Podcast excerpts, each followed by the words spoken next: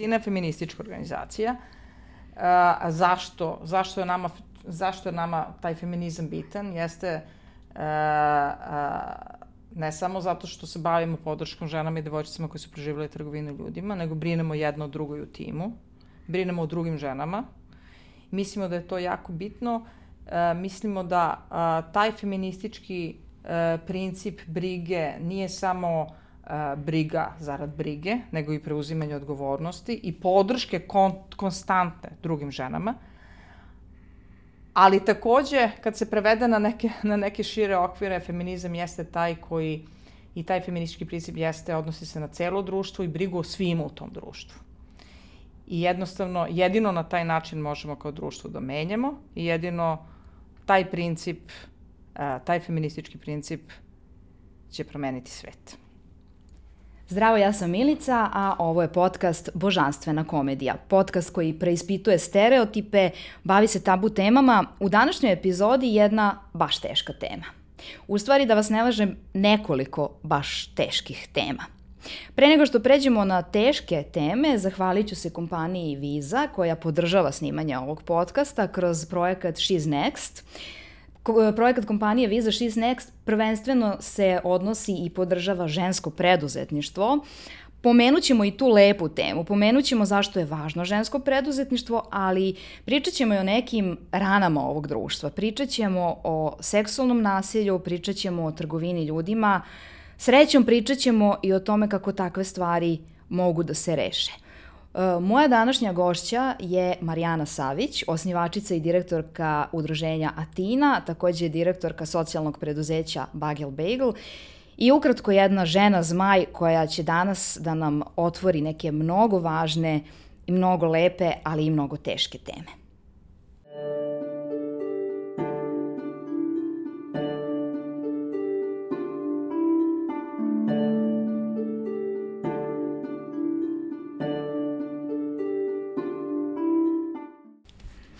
Maja, dobrodošla u podcast. Ćao, Milice. Ja tebe dugo znam, dugo te volim i neizmerno cenim.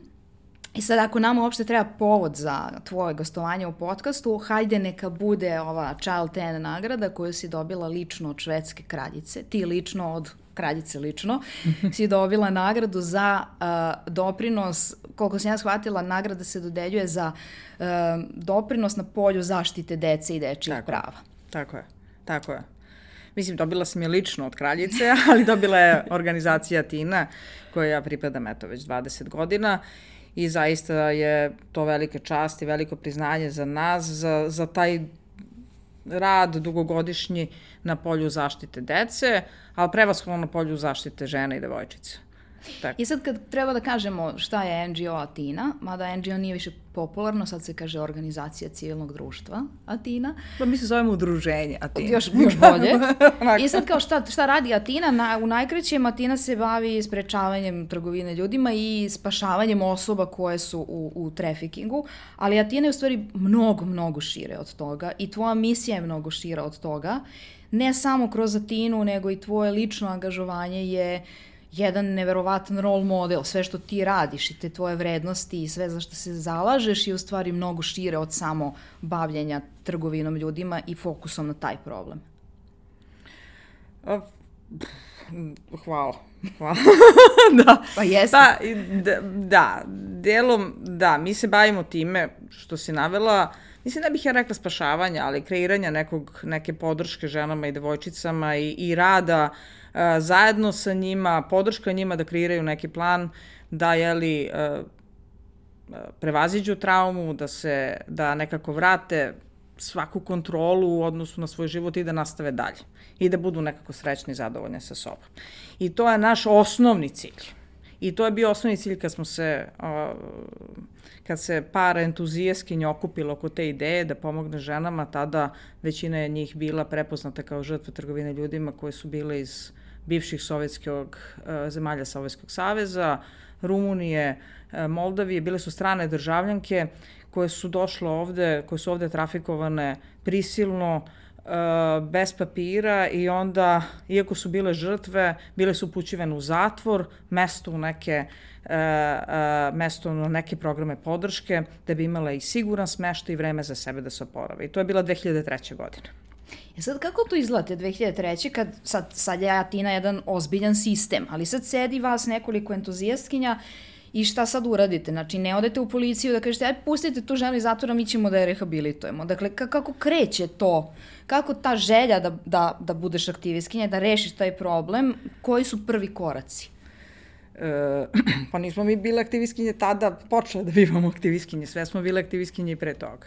Mislim, imali smo 90. godine, imali smo jedan Uh, imali smo jednu odgovornost prema društvu uh, i da ga menjamo i da i, i, i jedan uh, uh, do, sve smo potekli iz nekog antiratnog aktivizma i borbe za neko demokratsko društvo.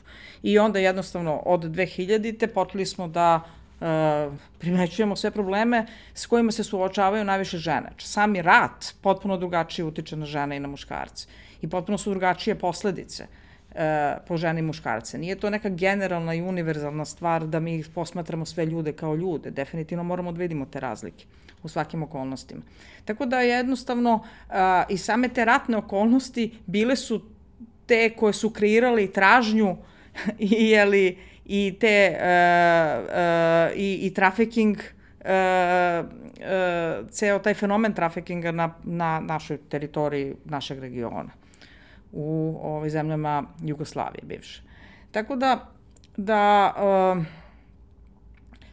ne znam, mislim, jednostavno kreće se tako što, što, što veruješ da tim ženama ne treba nametati ponovo ograničenja neka. Znači, mi nismo verovale u sistem skloništa kao takav, da je to jednostavno nepreuzimanje odgovornosti i da je najlakše nekoga opet zatvoriti u neke druge E, neki drugi način podrške, reći evo ja mogu tebi da ponudim ovo mesto i zaključati vrata posle 10 sati. Te žene definitivno e, znaju šta im je potrebno bolje nego što bilo ko od nas zna. Tako da smo mi kreirali taj pionirski poduhvat. U stvari krenuli smo e, tada, e, to se zvalo Transition House na engleskom, ali to je recimo ajde neki vid kuće na pola puta, gde smo e, definitivno napravili jedno, jedno sigurno mesto za njih, E, gde one mogu da borave, koja je njihova kuća, koje one same organizuju vreme u toj kuću bez ikoga ko treba da vrši nadzor nad, nad tim. A, mi smo naravno preuzele deo odgovornosti za sigurnost tog mesta, ali takođe i njima dali tu priliku da preuzmu uh, odgovornost za sigurnost i sebe i drugih žena tu i to se pokazalo kao uspešno. Znači, to se definitivno pokazalo kao uspešno. Mi kad pričamo o trgovini ljudima, ljudi zamišljaju lance, organizovane grupe kriminalne koji se bave zato što je to vrlo lukrativan posao. A, I to jeste tako. Ali definitivno a, a, mi, a, e, kako smo kreirali, način na koji smo gradili poverenje, način na koji smo gradili komunikaciju sa tim ženama, način koji smo mi razmenjivali i učili jedni od drugih, kreirali smo jedan sistem koji nije imao neko, nikakvo naruševa, narušavanje bezbednosti, e, koji je bio negujuć prevashodno i koji je bio osnažujuć zbog toga što neko a, a, razumeo da treba da preuzme odgovornost za svoj život i tako smo krenuli da razvijamo programe.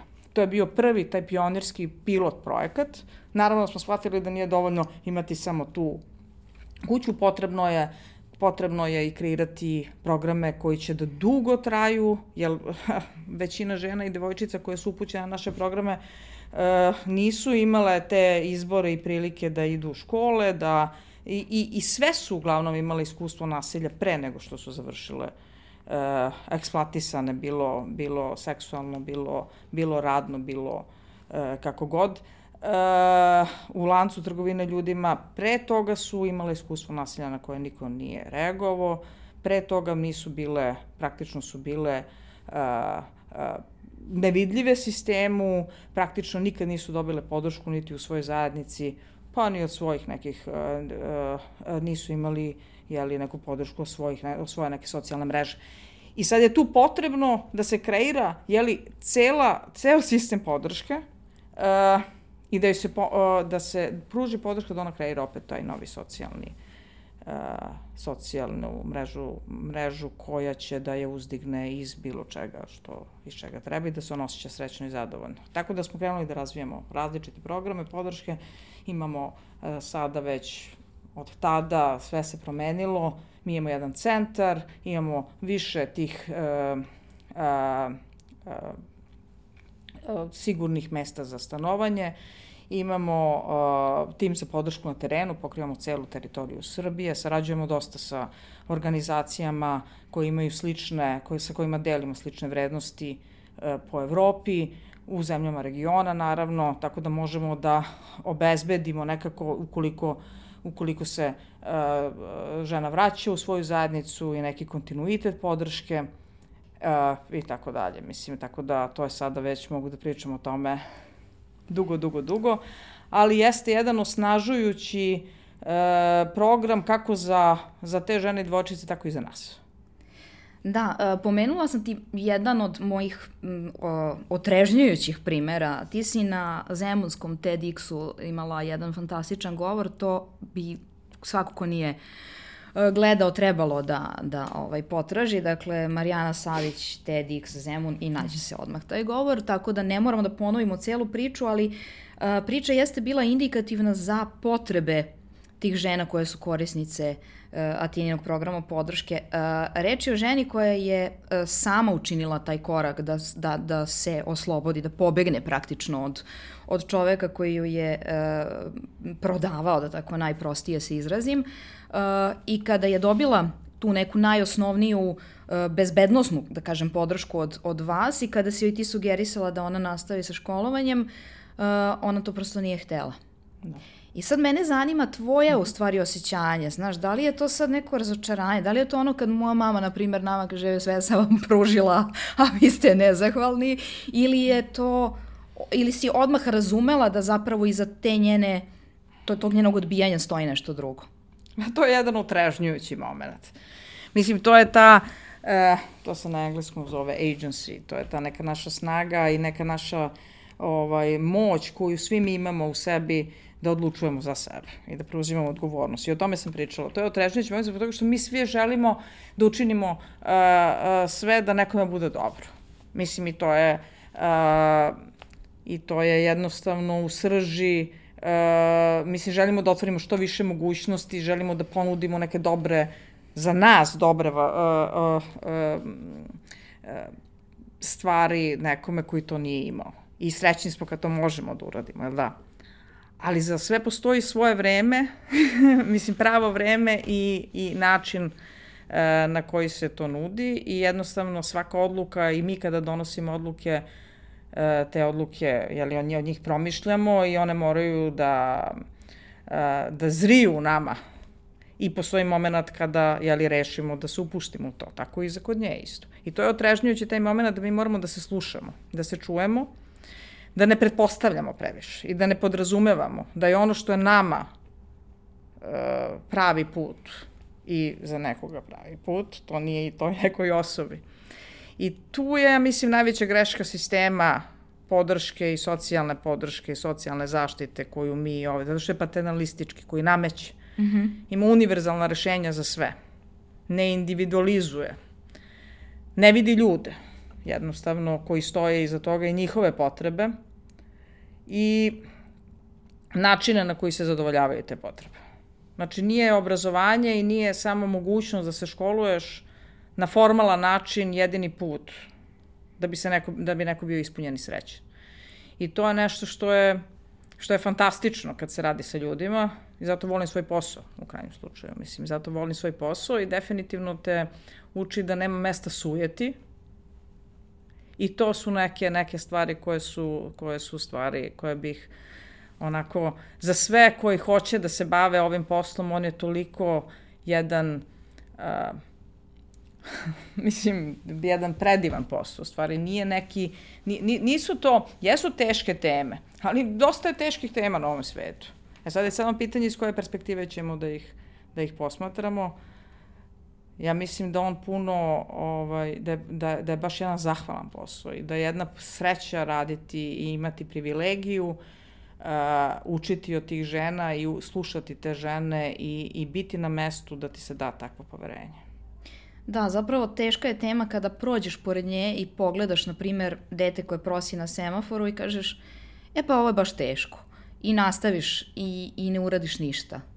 Kada menjaš te živote, onda jeste i dalje teška, možda čak i teža i traži više snage, ali, ali nagrada koju ti dobiješ u, u smislu osjećanja je stvarno neprocenjiva ali sad ja tebi objašnjavam kako se ti osjećaš, znači ti sigurno to bolje znaš. Pa ali da. ho, hoću da se vratim na, na ovu ovaj, uh, ženu koju sam pomenula, zato što si rekla divnu stvar, a to je da svi imamo potrebu da nekom pružimo nešto.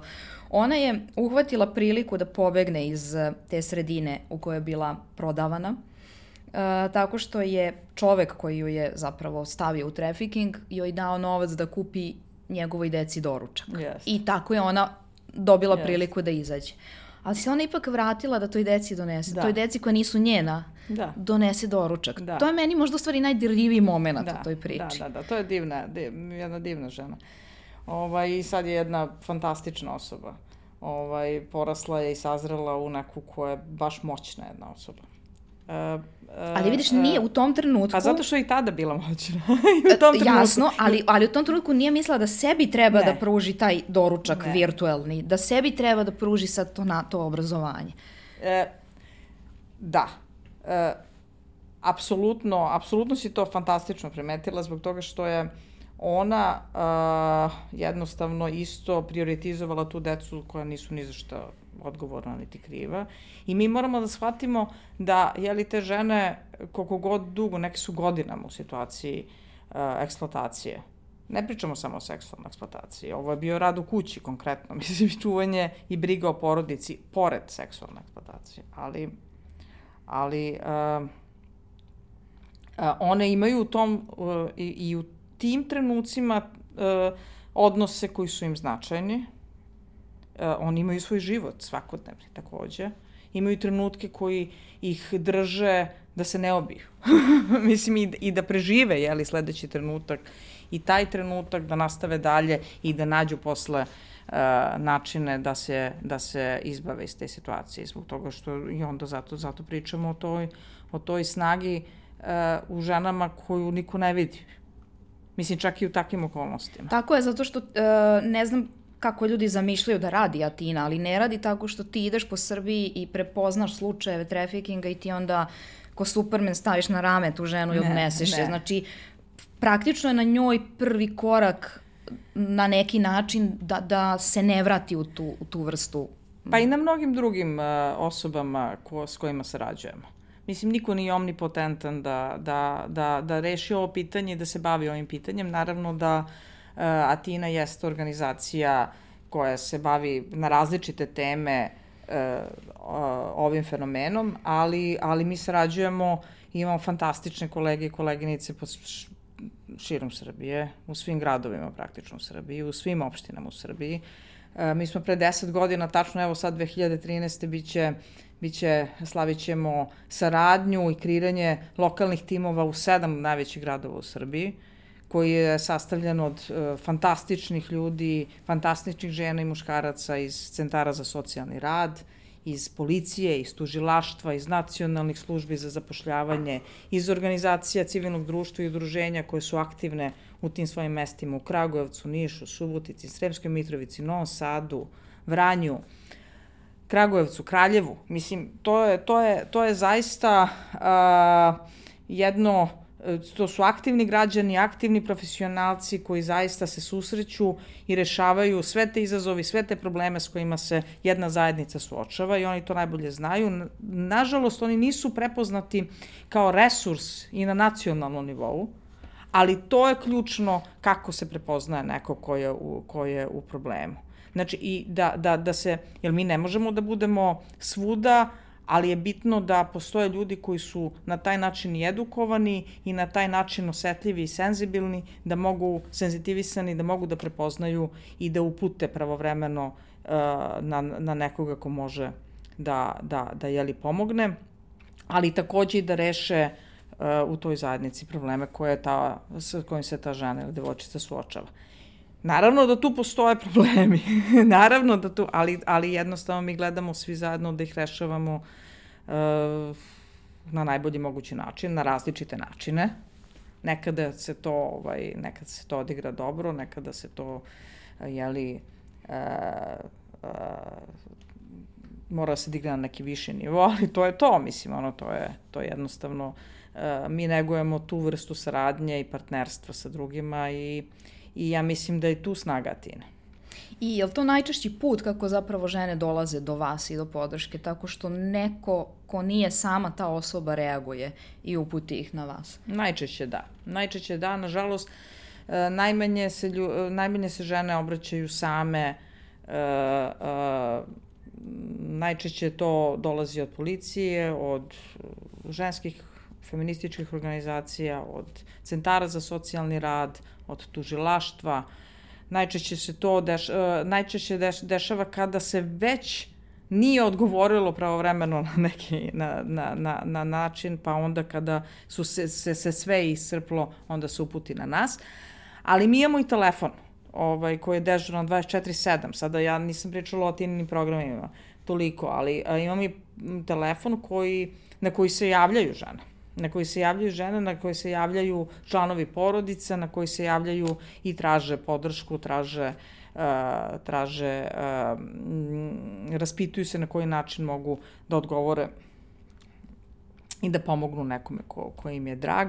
Javljaju se najviše profesionalci i profesionalke iz ovih službi koje sam navela. Uh, i, i oni upućuju, da. To, to je zanimljivo da, to su sve neki državni organi, neke policija, tužilaštvo i slično, da zapravo naš sistem nema to što je Atina kreirala, da mi nemamo uh, sigurnu kuću u kojoj će se nekome pružiti i psihološka i pravna podrška i možda najvažnije kada se ta osoba na neki način m, podrži na tom primarnom nivou, da, da, je, da se ona podstakne, da je se pruži uh, šansa da nešto drugo radi, mm. da kreira dalje neki svoj drugačiji život. A to sve radi Atina, pričat ćemo i na koje sve načine. Pa da, ali mislim, mislim da to, da programi podrške prevazilaze sigurne kuće. Mislim, sigurna kuća je jedan samo aspekt minimalan Atinin. I to ne trebaju sve žene i, i, i sva deca koji su identifikovane kao žrtve trgovine ljudima sigurno smešte. To prvo, to je 20-30% osoba iz celokupne populacije. S druge strane, mi radimo veliki, velika naša ovaj, e, usmerenost i u poslednjih deset godina jeste na žene, migrantkinje i izbeglice. I tu se nismo fokusirali samo na trgovinu ljudima, naravno da je to u uskoj vezi, ali fokusirali smo se na rodno zasnovano nasilje, odnosno na nasilje koje e, trpe žene i devojčice u migranskoj populaciji. Tako da, da to je nešto što, što je isto jedan veliki aspekt našeg rada, zbog toga što mi imamo tu jednu rodnu perspektivu u radu i pokušavamo da tu rodnu perspektivu onako ugradimo u sve te humanitarne odgovore. Razlog da, što imate da. tu rodnu perspektivu jeste što, evo ti da ja ne lupam, reci mi statistički koji je procenat žena Ma, u trafikingu? Preko 90%. Ne, nema tu, nema, mislim to je jedna vrlo, to, to, je, to, to je jedan oblik nasilja nad ženama. Mislim da se samo da, da, da, da, da nemamo te eufemizme, da ne, ne koristimo taj generalni, uh, zato što su onda ostaju nevidljive. Znači to je uh, problem koji jednostavno jeste problem uh, najviše žena i devojčica i osoba koje su LGBT populacije, osoba koje, koje ovaj, koje su mislim, definitivno onako najsiromašnije i najdiskriminisanije u našem društvu. Ne u našem društvu, to je u celom svetu tako. Ali, uh, da se vratim na, na uh, programe. Nismo jedini koji pružamo sklonište. Sklonište postoji prihvatilište za žrtve trgovine ljudima, koje je uh, Eh, evo sada operativno u poslednjih nekoliko meseci ponovo, ali nije bilo operativno. Znači, ono što jeste isto snaga Atine, što smo mi uspeli, bez obzira što nismo finansirani iz budžete, nikad nismo imali podršku države financijsku, samo da ogradim financijsku podršku, uh, i država nije preuzela odgovornost za sve ono za šta je obavezna po konvencijama koje je potpisala u vezi prava žrtava i zaštite žrtava. Ponosni smo zato što smo održali taj kontinuitet i samo smo unapređivali jeli, kvalitet i menjali, adaptirali programe kako bi odgovorili na potrebe žene.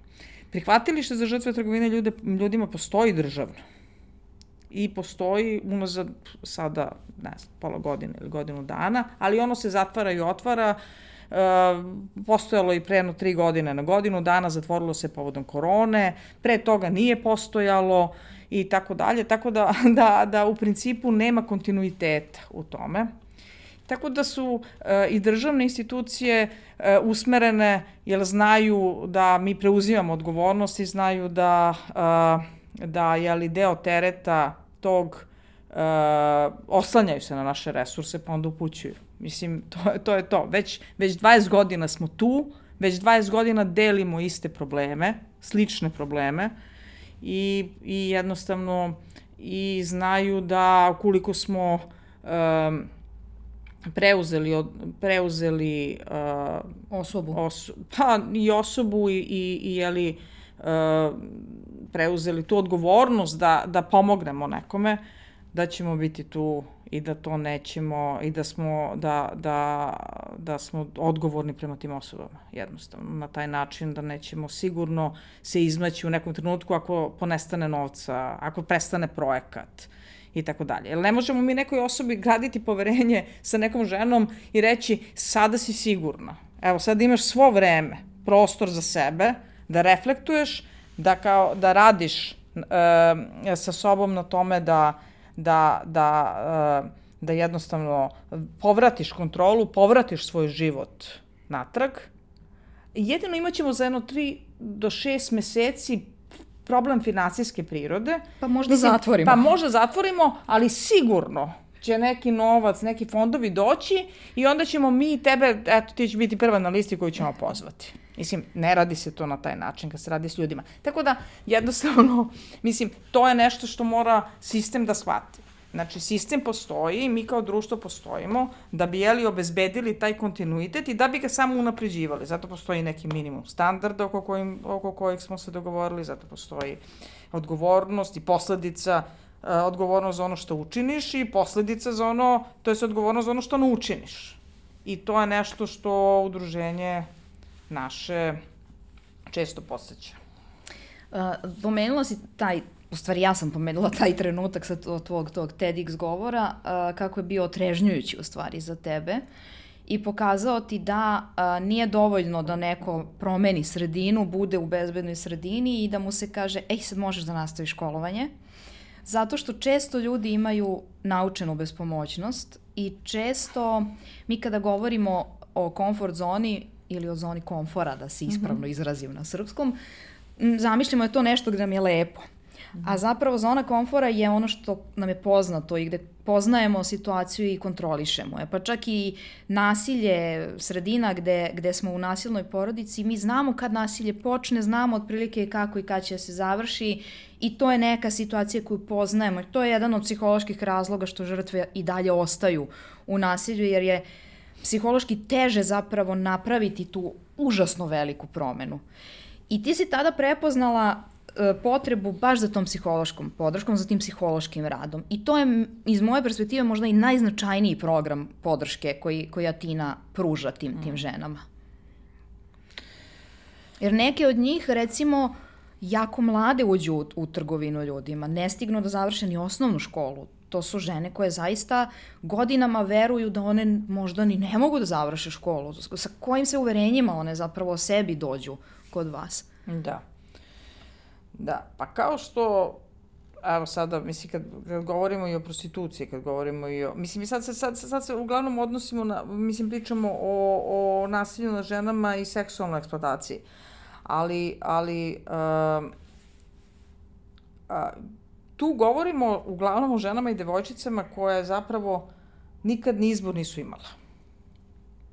znači, mislim, većina njih, taj izbor o kome mi govorimo i podrazumevamo da ljudi imaju izbor za ovo, da oni slobodno odlučuju, da dobrovoljnost je ključna i tako dalje, mi govorimo o ljudima koji zapravo te izbore nisu imali. I sada to je teško zamisliti nekoga, e, za, za nekoga ko je rastao u nekoj eto, ajde da, da, da kažem, uh, jeli, porodici, kako su nas učili kako treba da izgleda porodica, u nekoj zajednici koja ima minimum solidarnosti, uh, u nekom sistemu koji ima institucije. Sad zamislite naše devastirano društvo, 90-ih, uh, znači,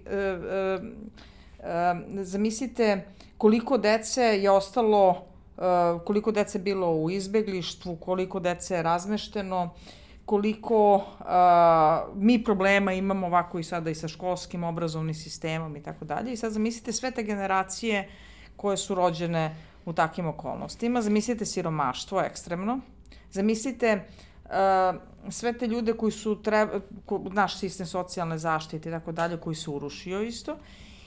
I definitivno, e sad zamislite žene u svemu tome i devojčice, koje žive isto u nekom tradicionalnom društvu kao što smo mi, vrlo duboko patrijarhalnom i tako dalje. Većina njih jednostavno nije imala prilike niti da idu u školu, to nije bila opcija, ni za promišljanje. Takođe, većina njih je rođeno bez dokumenta, bez ličnih dokumenta. Većina njih je živelo u, u okolnostima gde čak i da imaš ličnu kartu, što je za mene ono kao ključ, ti moraš da imaš ličnu kartu. Ja kada sam prvi put se susrela sa tim problemom, ja kažem ti moramo sad prvo dokumenta da, te, da, da sredimo. Treba da imaš ličnu kartu. A ona kaže, važi. Ja kažem, to, to je super značajno. Da, da li razumeš zašto? Za, no. Zašto? Ona kaže, pa ne, razumem, kao super da imam ličnu kartu. Ali realno, njoj ta lična karta ne menja ništa u životu. Mislim, ne menja zbog toga što ona ni ne zna značaj toga da ona ima neka prava, ne zna kako da ostvari ta prava, ali nije da ona ne zna, nego je ona pokušavala i njena porodica je pokušavala, ali, ali e, i onda se vraćamo na, na, na, na institucije. To što nešto piše u zakonu, da neko ima neko pravo i neku proceduru da izvrši pravo, to ne znači da taj neko može da ostvari to pravo. Mm -hmm. I sada to pravo važi I onda kažu, pa da, ali svi imaju jednaka prava. Nemaju svi. Jer mi smo se pretvorili, naše institucije su se, nažalost, i to i žale i oni koji rade u tim institucijama, kao na neke šaltere koji jednostavno nisu pristupačni ljudima kojima su potrebni. I to je to, ovaj, nema tog slušanja i ne čujemo se, ne vidimo se. Zbog toga što nije to da postoji samo jedna institucija koja treba da ti uh, u kojoj treba da ostvariš neka prava, dobiješ neka dokumenta, dobiješ neku, uh, neko savetovanje, podršku i usmerete na neke programe. Znači, prvo, neko treba da te pozdravi kad uđeš u tu instituciju. Pa da ti kaže, evo, sedi, popi čašu vode, da vidimo o čemu se radi.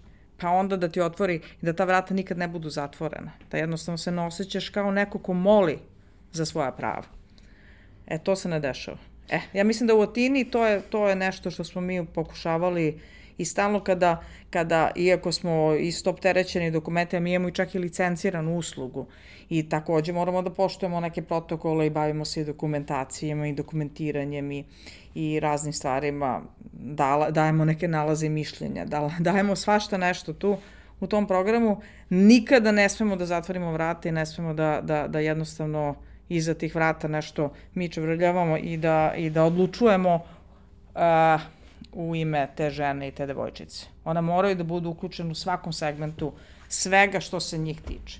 Nema, nema uh, uh, jeli, prikrivanja tih informacija, manipulisanja s tim informacijama i tako dalje. Tako da je to ključno. Ključno je vraćati stalnu kontrolu tim ženama, verovati e, ono, onome šta je njihov doživljaj onoga što se dogodilo i jednostavno biti tu za njih u svakom segmentu i u ostvarivanju prava. Znači, razlika između zašto mi postojimo jeste kada nekoj ženi se zatvore vrata u nekoj instituciji, ne može da ostvari neka prava, takođe druga je priča kad mi odemo sa njom i, mm -hmm. ovaj, i uh, pokušamo da joj pomognemo da jeli ta vrata ne ostanu zatvorena onda se otvara, naravno. Osim te pravne i, i ljudske i psihološke podrške, uh, ti si prepoznala i da je zapravo ključ da konačno ta neka osoba može da zaradi svoj dinar. I uh, ti si čak uspela da kreiraš radnu sredinu za uh, zapravo žene koje su iz programa uh, udruženja Atina. Uh, I tako si ti postala između ostalog i preduzetnica. E, meni je to iskustvo rada s tobom o, o, u Bejglu jedno od najlepših iskustava i često ga zapravo citiram i vraćam se na to naše iskustvo kada sa nekim drugim malim biznisima radim komunikaciju društvene misije, zato što obično radim kao konsultant ili mentor sa malim preduzećima koji imaju neku vrlo važnu društvenu misiju. I ta društvena misija nije uvek uh, fokus na nešto lepo. Lako je kada ti rešavaš neki problem društva, a on je u stvari, na primjer, ekologija. Znaš, to je, to svima super. Svi, niko ne okreće glavu, svima je važno, svi hoće da dišu svež vazduh, ali recimo kad radiš sa osobama sa invaliditetom, to ljudi ne žele da gledaju. Šta više, nemaju, što to što ti kažeš, svi imaju ista prava, nemaju ljudi jednak odnos kada vide osobu koja, na primjer, sedi u kolicima ispred njih kao osobu koja ne sedi u kolicima, nego je ušetala u prostoriju. I to je nešto što, nažalost, gledam često i dugo.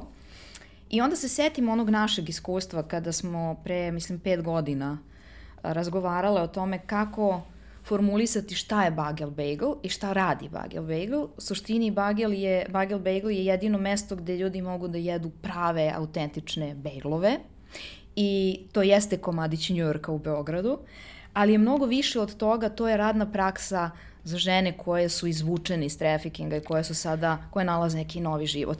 I ja se sećam kada ste otvarali da to ljudi uopšte nisu doživeli kao neku mnogo dobru i mnogo važnu stvar koja će sada da, da, da stvori neke nove aktivne članice društva, neke nove žene koje će biti sad mm. zaposlene i praviti neki svoj novi život.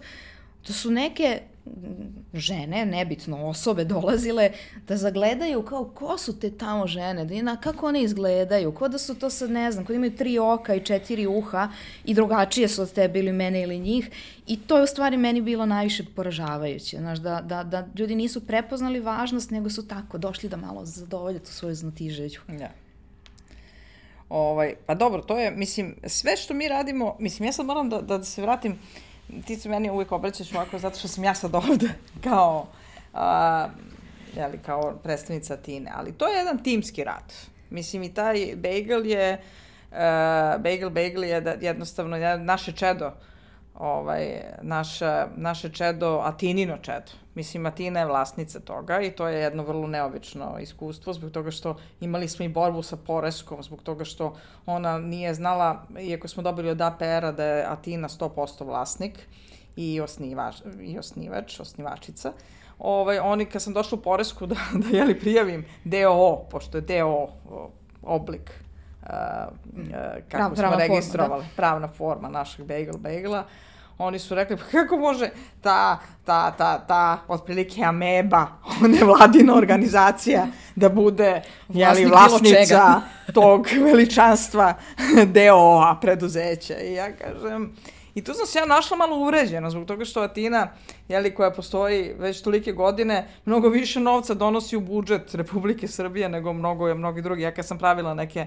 neke ove, analize našeg bruto bilansa i tako dalje, mislim, oni mogu samo da budu i sa te strane srećni ovaj, uh, iz, iz države, sa, iz Ministarstva financija i drugih organa koji to gledaju koliko u stvari, kako se zove, je benefit jeli, samog budžeta koji se ne obazira na, na, na potrebe ovih žena koliki je od strane udruženja građana Atine. Ali nema veze, to jeste sad jedna uspešna priča, donekle, zbog toga što eto, već smo 8 godina tu i ovaj, i eto, pravimo te ukusne begliće i, i bejglove uh, i dajemo ih Beogradu i Beograđanima i, i, uh, i vole nas u komšiluku, to nam je bio glavni cilj, da postanemo jedno malo lokalno mesto koje će E, da će, koji će praviti ono dobre kafe i beglove za komšiluk.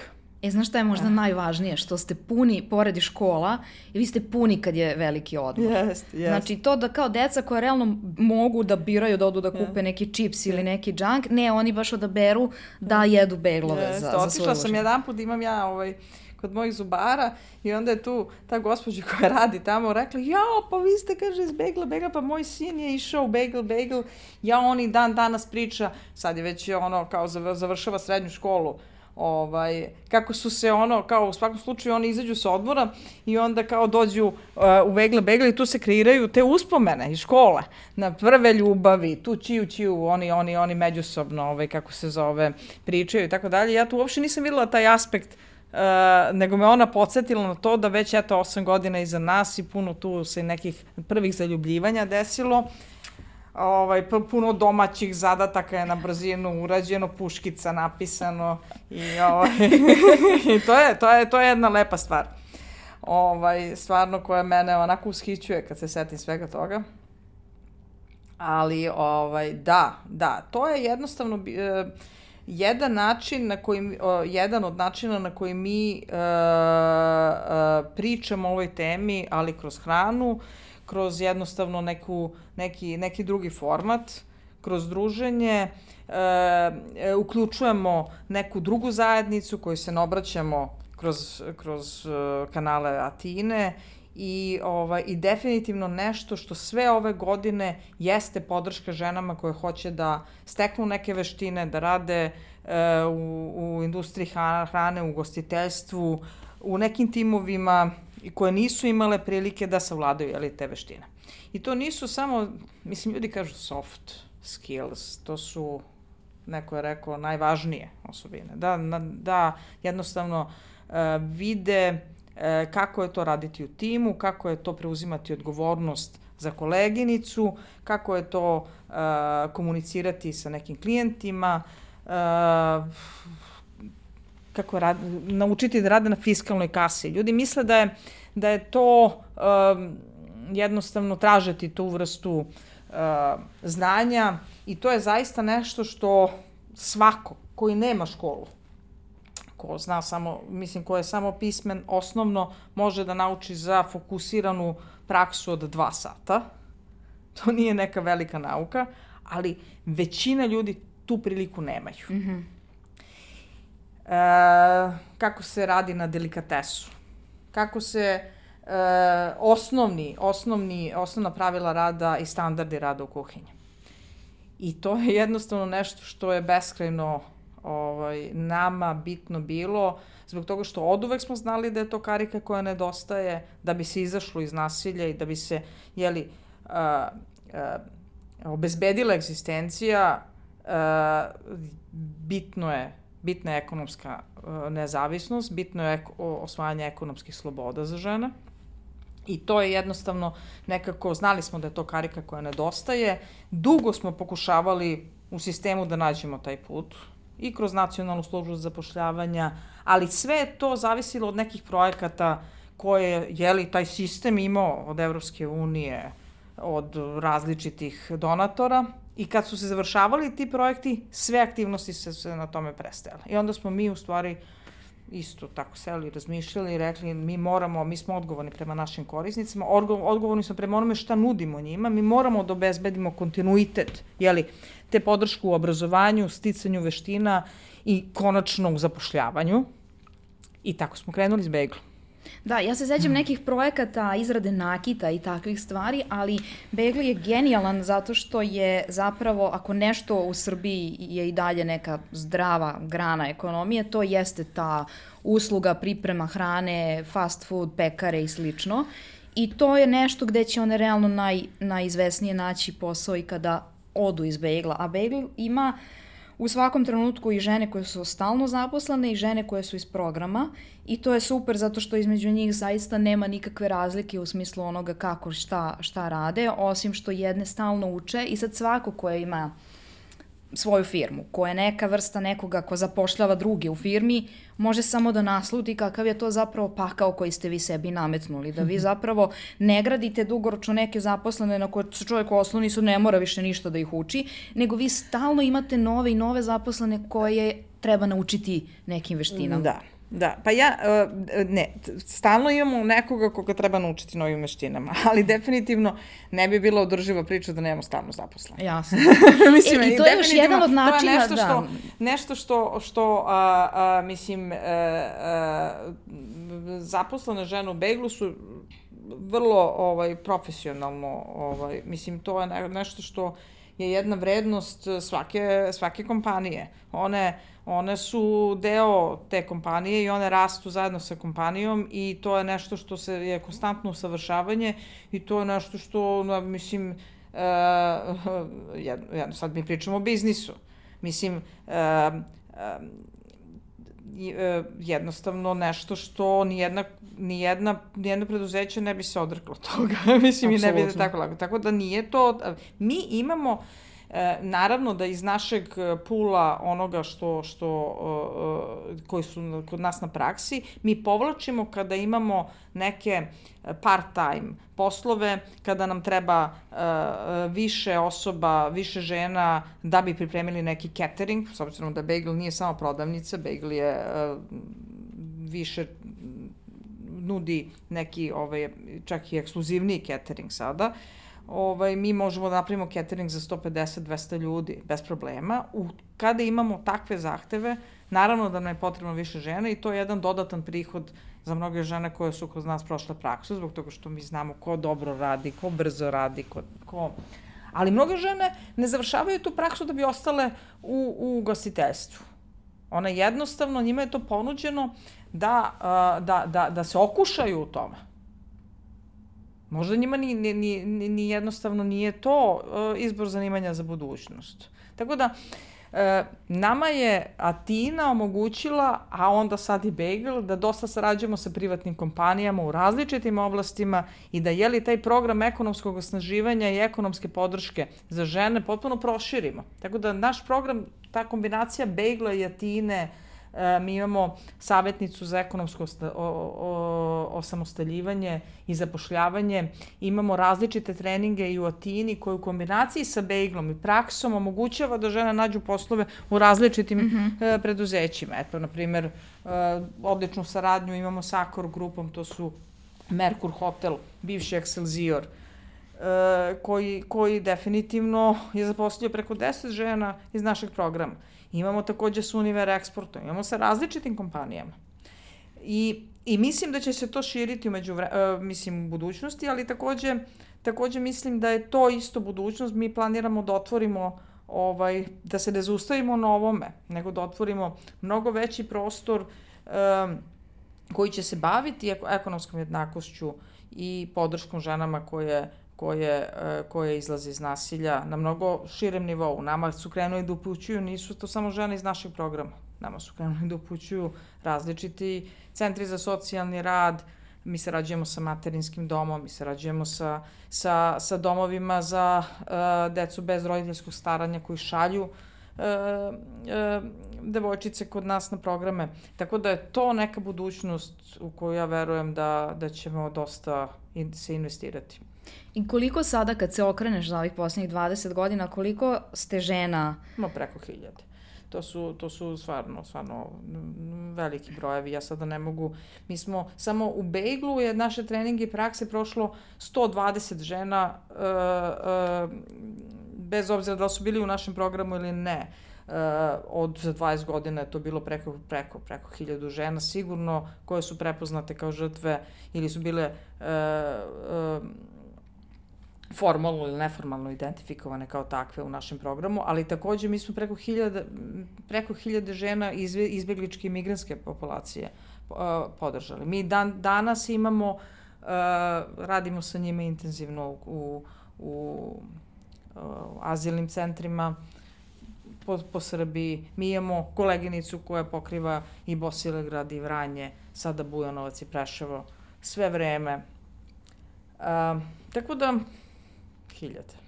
Sad, logično je i zbog geografske razođenosti, odnosno raširenosti Atine, da, se sad više ne možeš da upoznaš baš svaku tu ženu ili devojčicu, ali e, koja ti je neka ostala iz nekog razloga pa sve, pa, bliska mislim, srcu?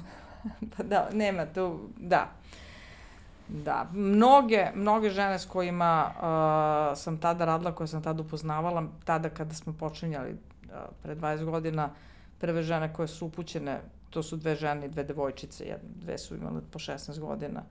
To su moje prijateljice sad. Mislim, ja nemam, nema, nema tu više, ovaj, nema, nema tog odnosa. Uh, ono što jeste nekako, zbog čega sam srećna najviše, jeste da imamo priliku da radimo, nije to in, jedna intervencija.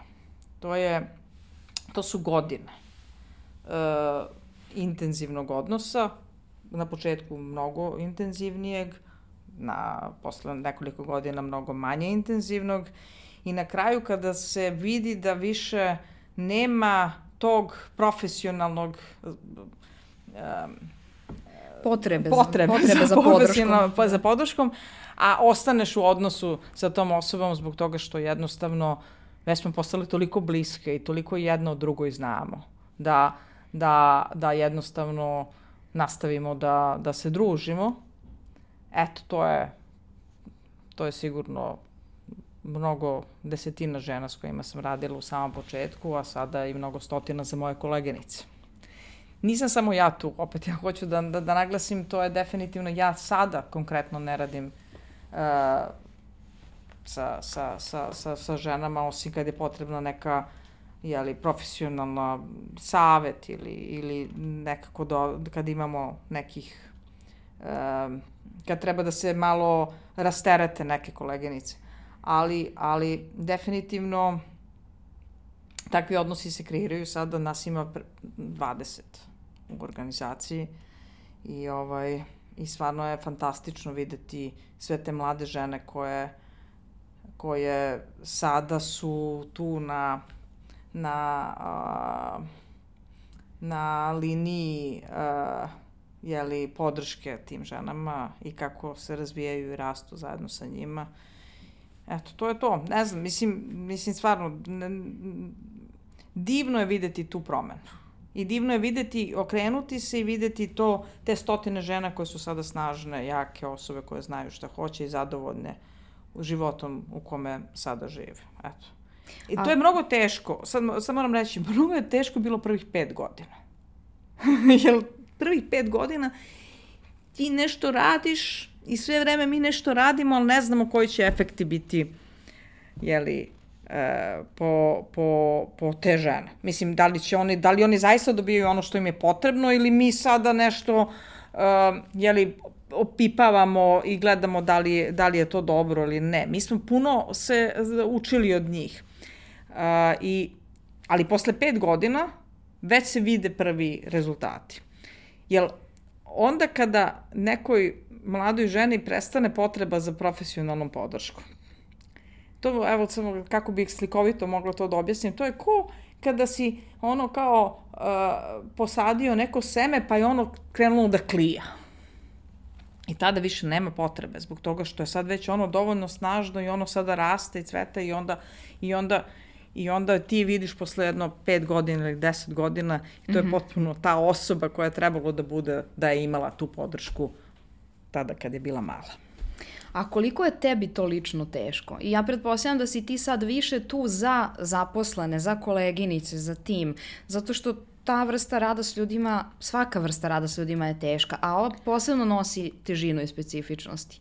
Koliko ti sokoliš ostatak tima i otkud tebi ta snaga već 20 godina? Zapravo i više, jer si se ti bavila aktivizmom i 90. Ali, ali, pa, sada, ne znam, sve, sve to i individualno i to je priča o rezilijentnosti i o svemu, ali e,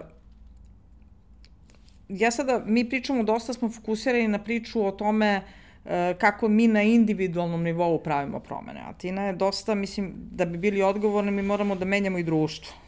Mislim, moramo da utičemo na promene u društvu. I to je jedna aktivnost koja je isto e, podjednako značajna, kao i, i, i ova. Ova je nekako e, nagrađujuća. Tu mi vidimo promene. Ono što iscrpljuje jeste ovo drugo ovo zagovaranje te spore promene u društvu. Evo, mi sada imamo 20 godina od prvog zakona za, o, o borbi protiv porodičnog zakona koji predviđa jeli, nasilje i e, promene koje su predvidele u, krivičnom zakonodavstvu nasilje u porodicu kao, kao porodici kao krivično delo. E sad, mi dalje imamo nasilje, imamo femicid, imamo e, ogromne probleme u odgovoru na to. Znači, 20 godina je prošlo. I, ali velika je promena što je pre 20 godina to uvedeno. I sada velike promene su se desile za 20 godina. Ali to je toliko sporo i mhm. iscrpljujuće kada, si u, u, u, u, kada se time baviš. I teško toga što ponekada, ponekada jeli, te obeshrabre sve, svi ti slučajevi nereagovanja, svi ti slučajevi uh, e, nasilja koji imaju druge oblike, ne samo fizičkog nasilja, na koje apsolutno se ne prepoznaju u našem društvu i tako dalje i tako dalje. Tako i u, u ovoj oblasti. Ova oblast je isto, uh, videla sam jedno pitanje koje sam mi poslala. Slobodno. Pitanje da li ćeš ja setiti svega. Videla sam jedno pitanje. Evo, mislim, evo u ovoj oblasti mi smo imali jeli, različite stvari gde smo napredovali u odgovoru i kreiranju tog nacionalnog referalnog mehanizma, mehanizma upućivanja i u jeli, kreiranju tih lokalnih timova i u povezivanju, menjanju zakonodavstva kako bi bio po meri žrtava koje su uh, preživele trgovinu ljudima. I sve smo mi to usklađivali da bi evo sada, zadnjih dve, tri godine, se potpuno unazadili. Znači, otišli nekoliko koraka natrag. To je strašno isrepljujuće. Mi dalje nemamo fondove koji su usmereni, koji prate zakone i zakonske programe. E, za, e, za, e, zakone, akte, da. zakon, da, zakonska akta. Nemamo, nemamo fondove, to jest ne, nemamo predviđena sredstva koja treba da, da prate implementaciju toga. Ljudi se menjaju na pozicijama koji su edukovani, ne, nema kontinuiteta u obučavanju ljudi. Fenomen se menja. Mislim, ono što smo mi radili pre 20 godina, mislim, ono što je bila Atina pre 20 godina više nije. A da li su problemi Sada. isti? Jel imaš utisak da neki problemi prosto od 20 godina ih rešavate i dalje su tu?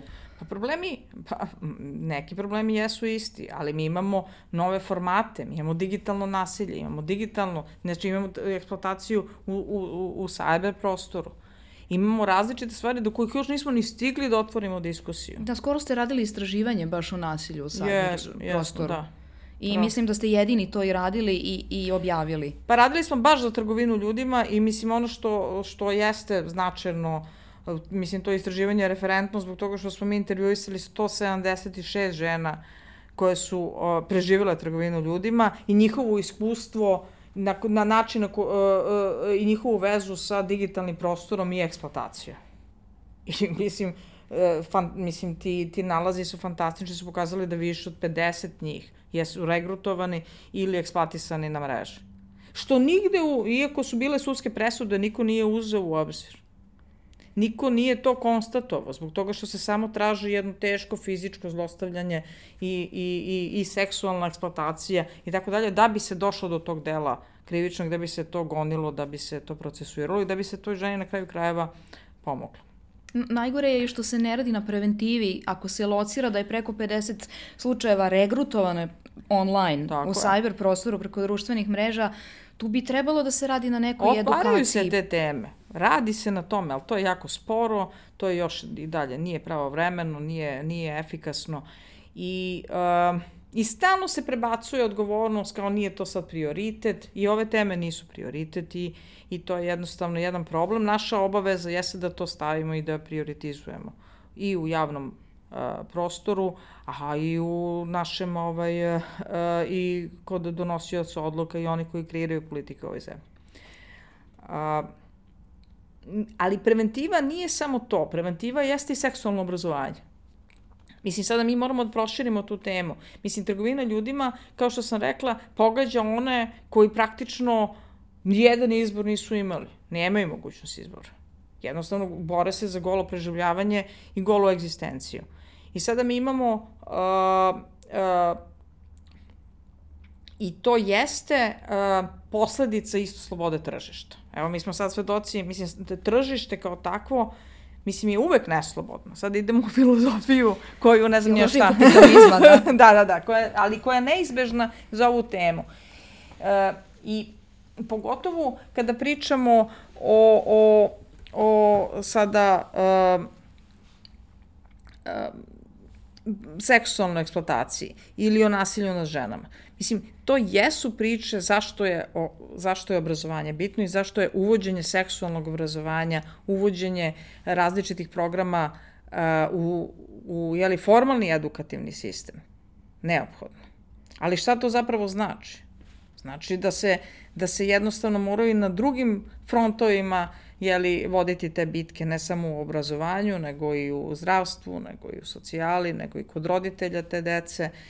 I Mislim, ono šta je suština jeste društvo će se, društvo, ovo društvo će menjati sada deca, ne, ne mi, nego deca od 10 godina, koje sad imaju 10 godina.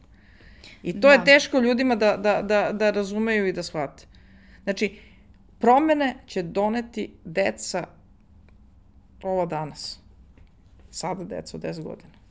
A ne, ne mi. Sad mi sad filozofiramo na tu temu. I mi moramo da omogućimo prostor toj deci i da damo te mogućnosti, te izbore koje, koje, koje, koje mnogi nisu imali. I moramo sada da strateški razmišljamo o tome, a to jeste i seksualno obrazovanje i različite druge ovaj, politike koje moraju da otvaraju, a ne da zatvaraju te prostore.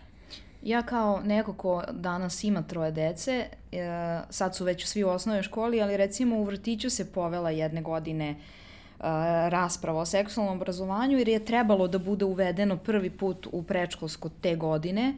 Moguće čak i da je uvedeno, a da nije zapravo realizovano, ali to već ne znam i tu su uh, roditelji skočili onako kao da se, da se a priori protive tome, zapravo ne shvatajući a ja to slučajno znam iz nekih praksi drugih zemalja, na primjer Švedske, gde postoji zaista od, od vrtića, da seksualno obrazovanje ne znači da ćemo mi sad decu da učimo kako da se ima seks ili ne znam šta već zamišljaju ti, ti koji su protiv toga, nego se baš od najranijih dana deca uče da čuvaju svoj telesni integritet, na primer. I to je izuzetno važno. Takođe mislim da je baš važno da uključimo oba pola u seksualno obrazovanje. Tako. Jer mi ako samo radimo na osnaživanju devojčica, a nismo edukovali dečake šta je okej, okay, šta nije okej, okay, kako da se postave prema istim tim devojčicama, pa nismo baš mnogo onda uradili. Ja se apsolutno slažem. Mislim, ja često citiram jednu aktivistkinju koja je rekla, mislim, sa dečacima treba raditi ono od, od, mislim, od pre nego što se planiraju otprilike. Mislim, i od, nije to, ne počinje ni u vrtiću, nego istog momenta kada dođu na svet, kada udahnu prvi, prvi dah, da je nasilje na ženama i, i silovanje isto toliko odurno i bude kao kanibalizam. Mislim, to je to. I ta, na taj način mi onda rešavamo i preventivno delujemo. Ovde samo gasimo vatru. Mm -hmm. I, I možemo da budemo uspešni u tome. I treba da radimo i to. Mislim, i to, i to treba da radimo. To ne isključuje jedno drugo. Ali sada treba da razmišljamo o tome i da je to jedna neophodnost. Znaš što mi je ostalo iz ne, nekog istraživanja koje sam čitala? Da osim što je najčešći komentar na silovanje zašto nije prijavila, da je najčešći odgovor počinilaca posebno ako su mlađi, pa je to bila neka okolnost, mm. nekakve žurke ili slično, pa mi smo se samo zezali. Da oni zapravo uopšte nisu svesni težine tog čina koji nekoj devojci potpuno promeni život, da. a oni su se samo zezali. Jer potpuno nemaju svest, o stvari drugačije doživljavaju seks, seksualni odnos, pristanak na seksualni odnos i sve što ide uz to. Pa da. Mislim, to je, to je odgovornost medija, na koji način se prikazuju sadržaje, na koji način se e, snimaju, gde je fokus u jeli, erotskom ili pornografskom sadržaju i tako dalje. Mislim, sada, to, to je sada jedna velika, široka tema, ali definitivno tema koja se treba otvarati i o kojoj treba diskutovati a, na svim nivoima. Mislim, neke stvari jesu tabuizirane, i to moramo da, da, da prestanemo sa, sa, sa time. Mislim, mislim da ljudi mogu da razumeju koliko je to važno i da to uh, uh, jednostavno uh, jeli, uvedemo na svim nivoima. Ali u svakom slučaju, eto, to je, to je nekako jedna od preventivnih stvari koja je ključna za naše društvo. Ključne stvari su takođe i razgovarati o preduzetništvu i o ženama Uh, znači, žene, uh, kada pričamo isto o eksploataciji, mi moramo da razmišljamo i o tome koji je položaj žena u svim segmentima društva. I što se tiče radnog prava, i što se tiče uh, naslednog tiče, prava. Naslednog prava. Pa nasledno pravo, ono, ono, ono formalno pravno jeste izjednačeno, ali jeste neka, nekako u javnosti dalje mi imamo, jeli, uh, to tradicionalno razmišljanje duboko ukorenjeno da jeli muškarcima ostaje imovine i da se sestre odriču u ime brata, da jednostavno uh, i to je nešto što moramo podhitno da, da rešavamo. Tako je, da, jer mi onda sestru koja se odrekla bilo čega i ra računajući da će da ona živi kod muža u nečemu što je muževljevo, zapravo lišavamo bilo kakvog izbora da ona možda izađe iz braka ako se ispostavi da je brak, na primer, nasilan. Da. A Da. po statistici svaki treći, svaka treća žena Da. trpi neku vrstu nasilja Da. u najbližoj porodici. Pa jeste, mislim, ono, ima tu ovaj, različitih istraživanja i, i, i mnoge, mnogi se kompetentnije i više bave ovom temom, ali ima neka slikovita, ne znam ko je to objavio, jednu slikovitu sliku Srbije e, o vlasništvu do nepokretnostima žene i muškaraca. Pa u, kojim delovima, recimo, koliko istok i jug Srbije kaska mm -hmm. u tom pogledu, ili recimo e, e, jugozapad u odnosu na Vojvodinu. Ili I u kojoj Beograd. meri i u, i u odnosu na Beograd. Tako da mi moramo takođe da izađemo iz toga e, iz toga da posmatramo Srbiju kroz Beograd ili kroz Novi Sad. Mi moramo da posmatramo sve, sve građane i građanke ove zemlje u celini i u odnosu na toga, u odnosu na to da planiramo i da, i da jeli, ispravljamo sve te nefer i, i, i, i nejednakosti koje postoje u našem društvu, koje su očigledne. Mislim, nije to sad nešto, neka, neka opšta floskula. To jeste tako. E, šta možemo mi sami da uradimo? Znači, Pa ne znam, ja sam, ja sam razmišljala ovaj, e, šta mi možemo. Mislim, ja, ja, ja duboko verujem u to da, da svi uh, imamo o, o, jeli, snagu i imamo moć da menjamo. I da smo svi odgovorni za ono u čemu živimo. Sada, naravno, da to ne znači da sad mi treba da osjećamo krivicu zašto se nešto ne, ne promeni jedan teret toga. Ali jesmo dužni kao, kao, kao deo društva da, da izrodimo tu promenu. I društvo jeste odgovorno za nasilje koje žene trpe i nasilje koje deca trpe i nasilje generalno u društvu koje, koje e, se generiše iz govora mržnje, koje se generiše iz etničkih sukoba kao posledica ratova i, i kao društvo i kao deo društva svaki pojedinac i pojedinka je odgovorna da učestvuje u tim promenama i da ugleda jeli, kako ona doprinosi tom nasilju.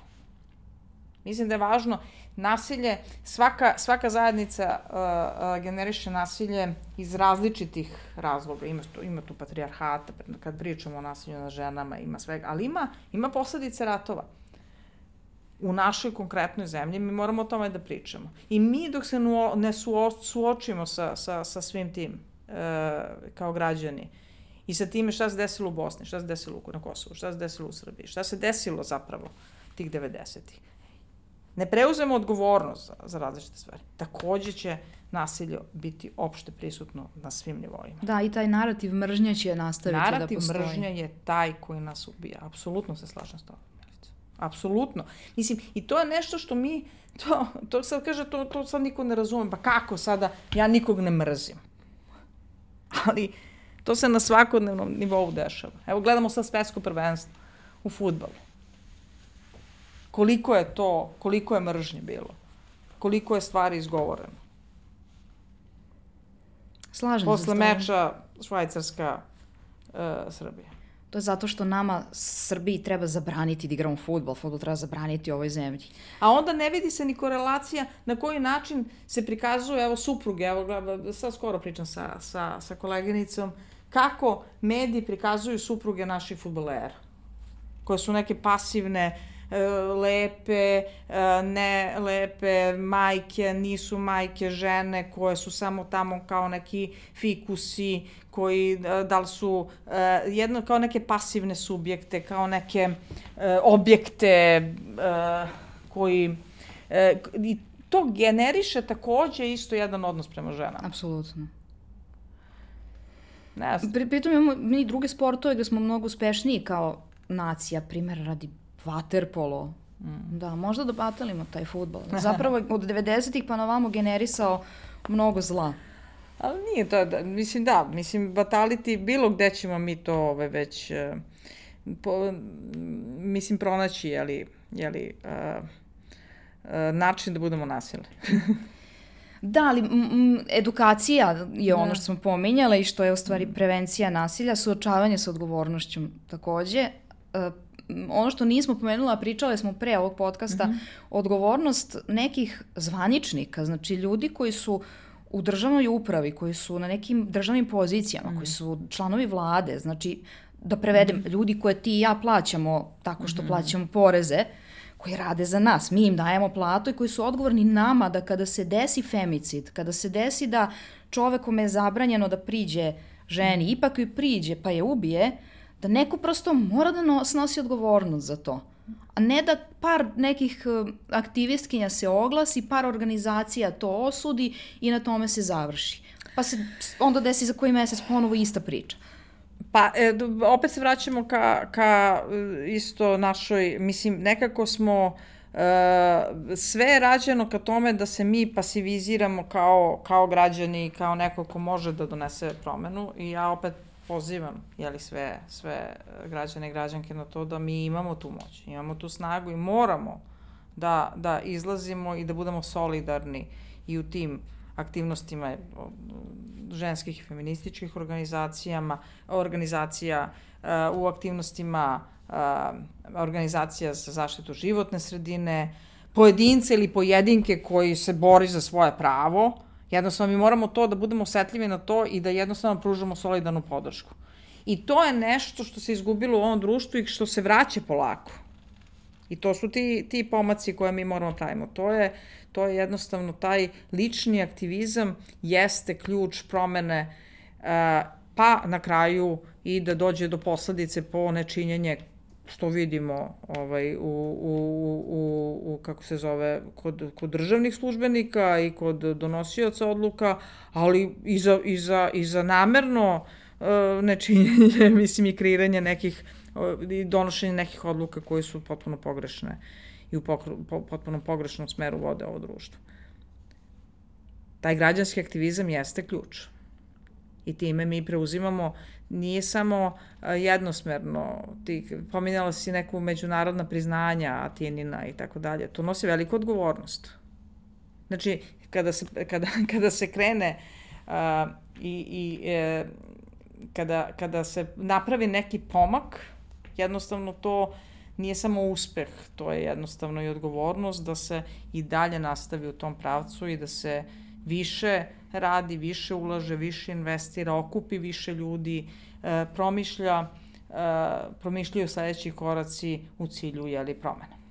Da, možemo da krenemo od sebe. Znaš, svako od nas je zapravo mali mediji kroz društvene mreže koje imamo. Uh, mogli bismo da krenemo od razmišljanja šta je to što delimo na društvenim mrežama. Da li delimo nešto što ima smisla, da li smo podelili neku vest, ne mora da bude aktivnost Atine, ali neka vrsta aktivnosti koja je nešto dobro pomerila. Da li smo možda osudili nekakav čin nasilja nad nekim, Pa čak i evo gledam masovno sad e, po, po mrežama, pošto su imali neke razmirice u reprezentaciji, pa je neko bio s nečijom ženom i sad je neko napravio foru kao uh, pitanje iz slagalice, koji je naš futbaler jebo čiju ženu. I sad svi to dele i to je baš mnogo smešno, potpuno nesvesni da ta formulacija stavlja ženu u jedan pasivni seksualni Tako. položaj, gde se ona uopšte ne pita da li hoće i s kim da ima seks i to je nešto, to je užasno opasno zato što nam u podsvesti ostavlja ženu kao pasivni Tako seksualni je. objekat. Tako je. Tako je.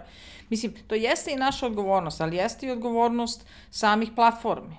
Mislim, neke stvari moraju da se uh, jeli, moderiraju na samoj platformi, mora da se eh, shvati koja je snaga socijalnih medija i koja je moć koju, koju imaš ili nemaš. Ne može samo da se odnosi i da se, da se uh, jeli, uh, krije iza tržišta i, i, i, i jeli, profita. Slažem to se. Je, mi često radimo sa novinarima, pogotovo oko izveštavanja uh, u, u slučajevima uh, jeli, trgovine ljudima i u slučajevima osetljivim po, po, uh, ko, u kojima se krši privatnost i poverljivost žrtava trgovine ljudima. Uh, I definitivno postoji ogromna razlika između onih koji su jeli, na tržištu novina i onih koji se bave istraživačkim novinarstvom. I onda smo mi ušli malo dublje u to I to je jedna zasebna tema, ali jeste odgovornost medija, ali odgovornost je takođe i onih koji kreiraju medijske zakone i na koji način ćeš ti da sankcionišeš i da stojiš iza onoga što ti je u slovu zakona. Kod nas se medijski zakoni ne implementiraju, ne primenjuju na način na koji piše u zakonu. I to je odgovornost ti koji sprovode odluke. Znači države, direktno vlade Republike Srbije. No, ajde da, da Druga krenemo... stvar je to, ajde, ajde sad imamo, imamo i druge slučajeve. Recimo, imamo skandalozne stvari koje su definitivno i pokazane i sad su na sudu, ja me sad se vjetrala da kažem, ne, ne, ne mogu da ko komentarišem jeli, nešto što je sad trenutno u sudskom postupku. Ali evo imamo Palmu, primer. Imamo različite ono kao lokalne šefove i tako dalje koji su definitivno ono kao učestvovali u najgorim krivičnim uh, uh, koji su počinili najgora krivična dela. I osumnjičeni su. Ajde da, da, da, da, da, da, nije, da kažemo da nije dokazan. Ali samim tim što si ti u nekom sudskom, što, što je podignuta krivična prijeva, što si osumnjičen da si organizovao to i to i ne znam nešto. To nosi jednu političku i ličnu odgovornost. Znači, u ovom društvu više nema niti lične, niti političku odgovornost, niti neko da, da, ovaj, e, da na taj način postupa. Mi vidimo, evo, na Kosovu, sada, to smo pomenjali, Mm -hmm, da, da, da. Desili su se nekoliko slučajeva nasilja koji se dešavaju jeli, kako na Kosovu, tako i u Srbiji ubijena je jedna trudnica od strane svog partnera u samoj bolnici iz pištolja. Silovana je neka devojčica i tako dalje. Tamo je po automoti, mislim, išlo se i bez pogovora su policajci koji su učestvovali u, u, u, u, u, u, trebali da zaštite tu ženu uh, uh, suspendovani sa posla. Ministarka pravde ponudila ostavku i tako dalje. E, e, čeka se da vidi šta će državno, državno tužilaštvo raditi. Tako je bilo i u ovom slučaju i u propustima za devojčicu koja je silovana. Ovde se to ne dešava. Meni, Ovde niko da. ne pominje ostavke. Niko ne pominje, niko nije otpustio nikoga iz državne službe, kako se zove, kad je, ukoliko je propustio da napravi ozbiljne propuste mm -hmm. koje su doveli do smrti nekoga a kamoli do nekog nasilja, eskalacije nasilja i tako dalje, neki, ne, nekih, ne, nekih uh, stvari koji su imale manje posledice. Da, ti primjer radi govora mržnje, ni podaštavanja no, žena i sl. Absolut. I ono što mene isto malo razočaralo je što je naša uh, angažovanost na ovim protestima posle objavljivanja intervjua sa silovateljem bila nekako mala, sporadična i brzo se ugasila, dok su protesti u Prištini posle silovanja devojčica bili baš masovni i tako nekako je. mene odsustvo te, ta neka autocenzura, da je tako nazovem, da mi činimo, da se mi lično bavimo aktivizmom. Ne treba svako da osnuje udruženja Atina, ali svako može da prijavi nasilje koje vidi u zgradi. Vidi da komšija tuče ženu ili decu i ako se bojite da će i vas da, da povredi na bilo koji način, postoji način da se, postoji anonimna prijava, vi niste dužni da, da, se, da se identifikujete ukoliko prijavljujete nasilje to su te stvari koje može svako od nas da uradi svakog dana, a bojim se da ih ne radimo, da ih radimo ovaj da ne bi bilo toliko nasilja. Može i to je super, mislim što si rekla, ali takođe e, kada se prijavi nasilje, onda mora da postoji i, uh, i, i celokupna podrška za tu ženu koja, koja, koja je prijavila nasilje i adekvatan odgovor policije. Znači, a ne da se prijavi nasilje i da ona kada hoće isto da govori, kada dođe, relativizuju njen problem i osjećaj da. nasilja i tako dalje. Tako da jednostavno sve to mora da bude uvezano. Ako one uh, ako mi pozivamo nekoga da prijavi nasilje koje se vrši nad, nad, nad tom osobom, onda naravno da moramo i da prihvatimo tu prijavu i da jeli, uh, pružimo zaštitu toj osobi. I da, I da prvo damo veru u to šta je ovaj, uh, šta ona uh, koje je njeno iskustvo i ne da dovodimo u pitanje njenu izjavu. A to se redovno dešava. Da, dovodi se u pitanje i prijava silovanja. Tako Znaš, je. to je odgovorno zašto nije prijavila, to je, Tako evo, mo, baš dobra drugarica je prijavila, pa je policajac kome je prijavljivala tri puta pitao, ali to je neko koga znaš, jel da? To ti je neki bivši dečko, jel ti se njemu sad cvetiš nešto? Tako je. Uh, švedska ambasada je trenutno, mislim, da i dalje radi na tom projektu, uspela da u nekoliko policijskih stanica organizuje posebne kancelarije za prijavu seksualnog nasilja, gde su edukovane policajke i mislim da je to takođe važno, da to budu žene koje će da čuju druge žene koje dolaze da prijave nasilje i da budu edukovane na koji način se prilazi žrtvi nasilja. Tako je. Pa to su sada različiti, mi pokušavamo to da uvedemo evo već godinama i nekako smo uspeli da e, preveniramo i sekundarnu viktimizaciju kroz to da recimo e, žena koja je prepoznata kao žrtva trgovine ljudima u našem centru u stvari daje izjave, da policija, da tužilac, da, da recimo neko iz centra za socijalni rad ukoliko, ukoliko se radi o, o, o, o devojčici a, ili u, da dođu kod na jednom mestu i jednom uzmu izjavu e, koja bi se kasnije koristila u postupku i tako dalje. To je nešto što isto olakšava ženi da nekako na svom mestu, na sigurnom mestu koje ona percipira kao njeno, uh, jeli, prolazi kroz vrlo jedno neprijatno iskustvo. Praktično ponovo prolazi istu traumu. I pa praktično mora da prođe kroz to iskustvo i to u nekom mnogo kraćem uh, roku nego što zahteva samo poravak i rad na traumu. Mislim, rad na traumi e, ljudi ne mogu da, da razumeju da neko ko je preživeo takvu vrstu traume nije on odma kada je na sigurnom mestu može da se opusti. To dolazi tek posle nekoliko meseci. Posle 5-6 meseci da ti zapravo zaista se osjećaš sigurno i da, i da se ta trauma ispolji. I da tad počinješ da radiš na njoj. Tako da su to jedni, jedni e, vrlo teški, kompleksni procesi. A policija neće da čeka niko, svi hoće da budu ovaj, efikasni i, i, i samim tim prouzrukuju mnogo veće uh, posledice po ženu. Tako da bi mi to prevenirali, postoje to rad. Znači, policija i kao, evo se, uh, koja je uh, obučena je stvarno jedan dobar, uh, dobar uh, mehanizam. Uh, postoji tu mnogo drugih stvari koje mogu da se urade, koje ne koštuju mnogo novca. Mm -hmm. I definitivno imali smo mi neke inicijative, ali jednostavno onog momenta kada se završi projektno finansiranje na nivou države, ona se, jeli, isto ugase i to je, time se pokazuje neodgovornost institucije na svakom koraku. Ali ni mi ne odustajemo od toga, tako da će se to uvesti u svakom slučaju. A, ono što još isto može svako od nas da uradi, a nije nebitno, iako sad možda zvuči nebitno posle o, ove priče, ali, na primjer, svako ko je u Beogradu može da ode da kupi bagel. Jer uh, vi, i ako ostvarite profit iz tog biznisa, vraćate ga u rad uh, yes. udruženja Atina i uh, na taj način praktično uh, kupovinom beglova ili naručivanjem za, ne znam, svadbu ili kompanijsku proslavu cateringa bagel, praktično se direktno pomaže ova borba protiv trgovine ljudima. Jeste, jeste, tako da ovaj, to je lepo od tebe što si pomenula.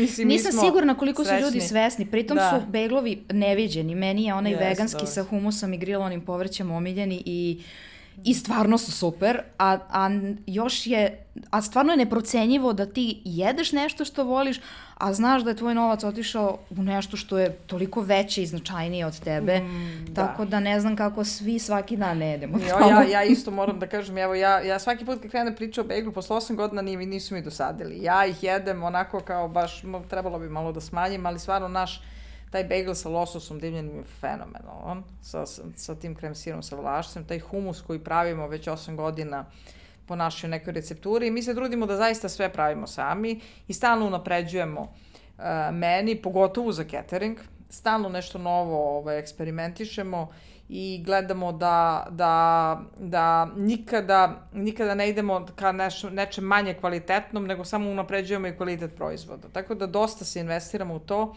i definitivno ovaj, da bi nam puno, mislim, puno nam znači da uh, kada, kada, kada širimo našu bla, bazu mušterije. Mislim, no, zato pogotovo, sam, nisam slučajno pomenula kompanije, ja pritom, ja mislim da je, da je Bagel Bagel jedini catering koji donese čoveče čorbu.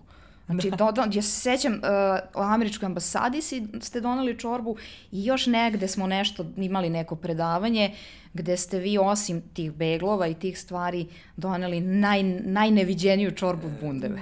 Da, da, da, prilagođavamo. Mi prilagođavamo, mislim, mi diskutujemo da vidimo koji je format samog skupa, Uh, nekada su to neke, neke male radionice, sad, sad baš imamo fantastičnu ponudu za te uh, radne doručke i, i, i radne sastanke. Za škole, ovaj, znam da ovaj, radite za, i za internacionalne škole. Radili smo, da, da, radili smo dosta, sad je malo to ovaj, e, utihnulo zbog toga što je dosta hibridna nastava. Malo, mm -hmm. malo su u školi, malo ne, pa to nije na nekom redovnom nivou, ali s vremena na vreme da. Radili smo sa zdravim, nekim zdravijim varijantama, razne palačinkice, proteinske, pa onda smo pravili, a, ali deca najviše naravno vole ono kao a, sutlijaš, a, ove obične palačinke sa nutelom i tako. Pa da ali deca, pravimo, da, da, da, oni, oni šta bi, da, da, da, to, ne, ali to je jako bilo zabavno zbog toga što nekako smo, ovaj, mi strašno volimo sve da pitamo. I onda smo pravili to sa, sa školama, smo pravili dođemo u školu, pa onda napravimo upitnik,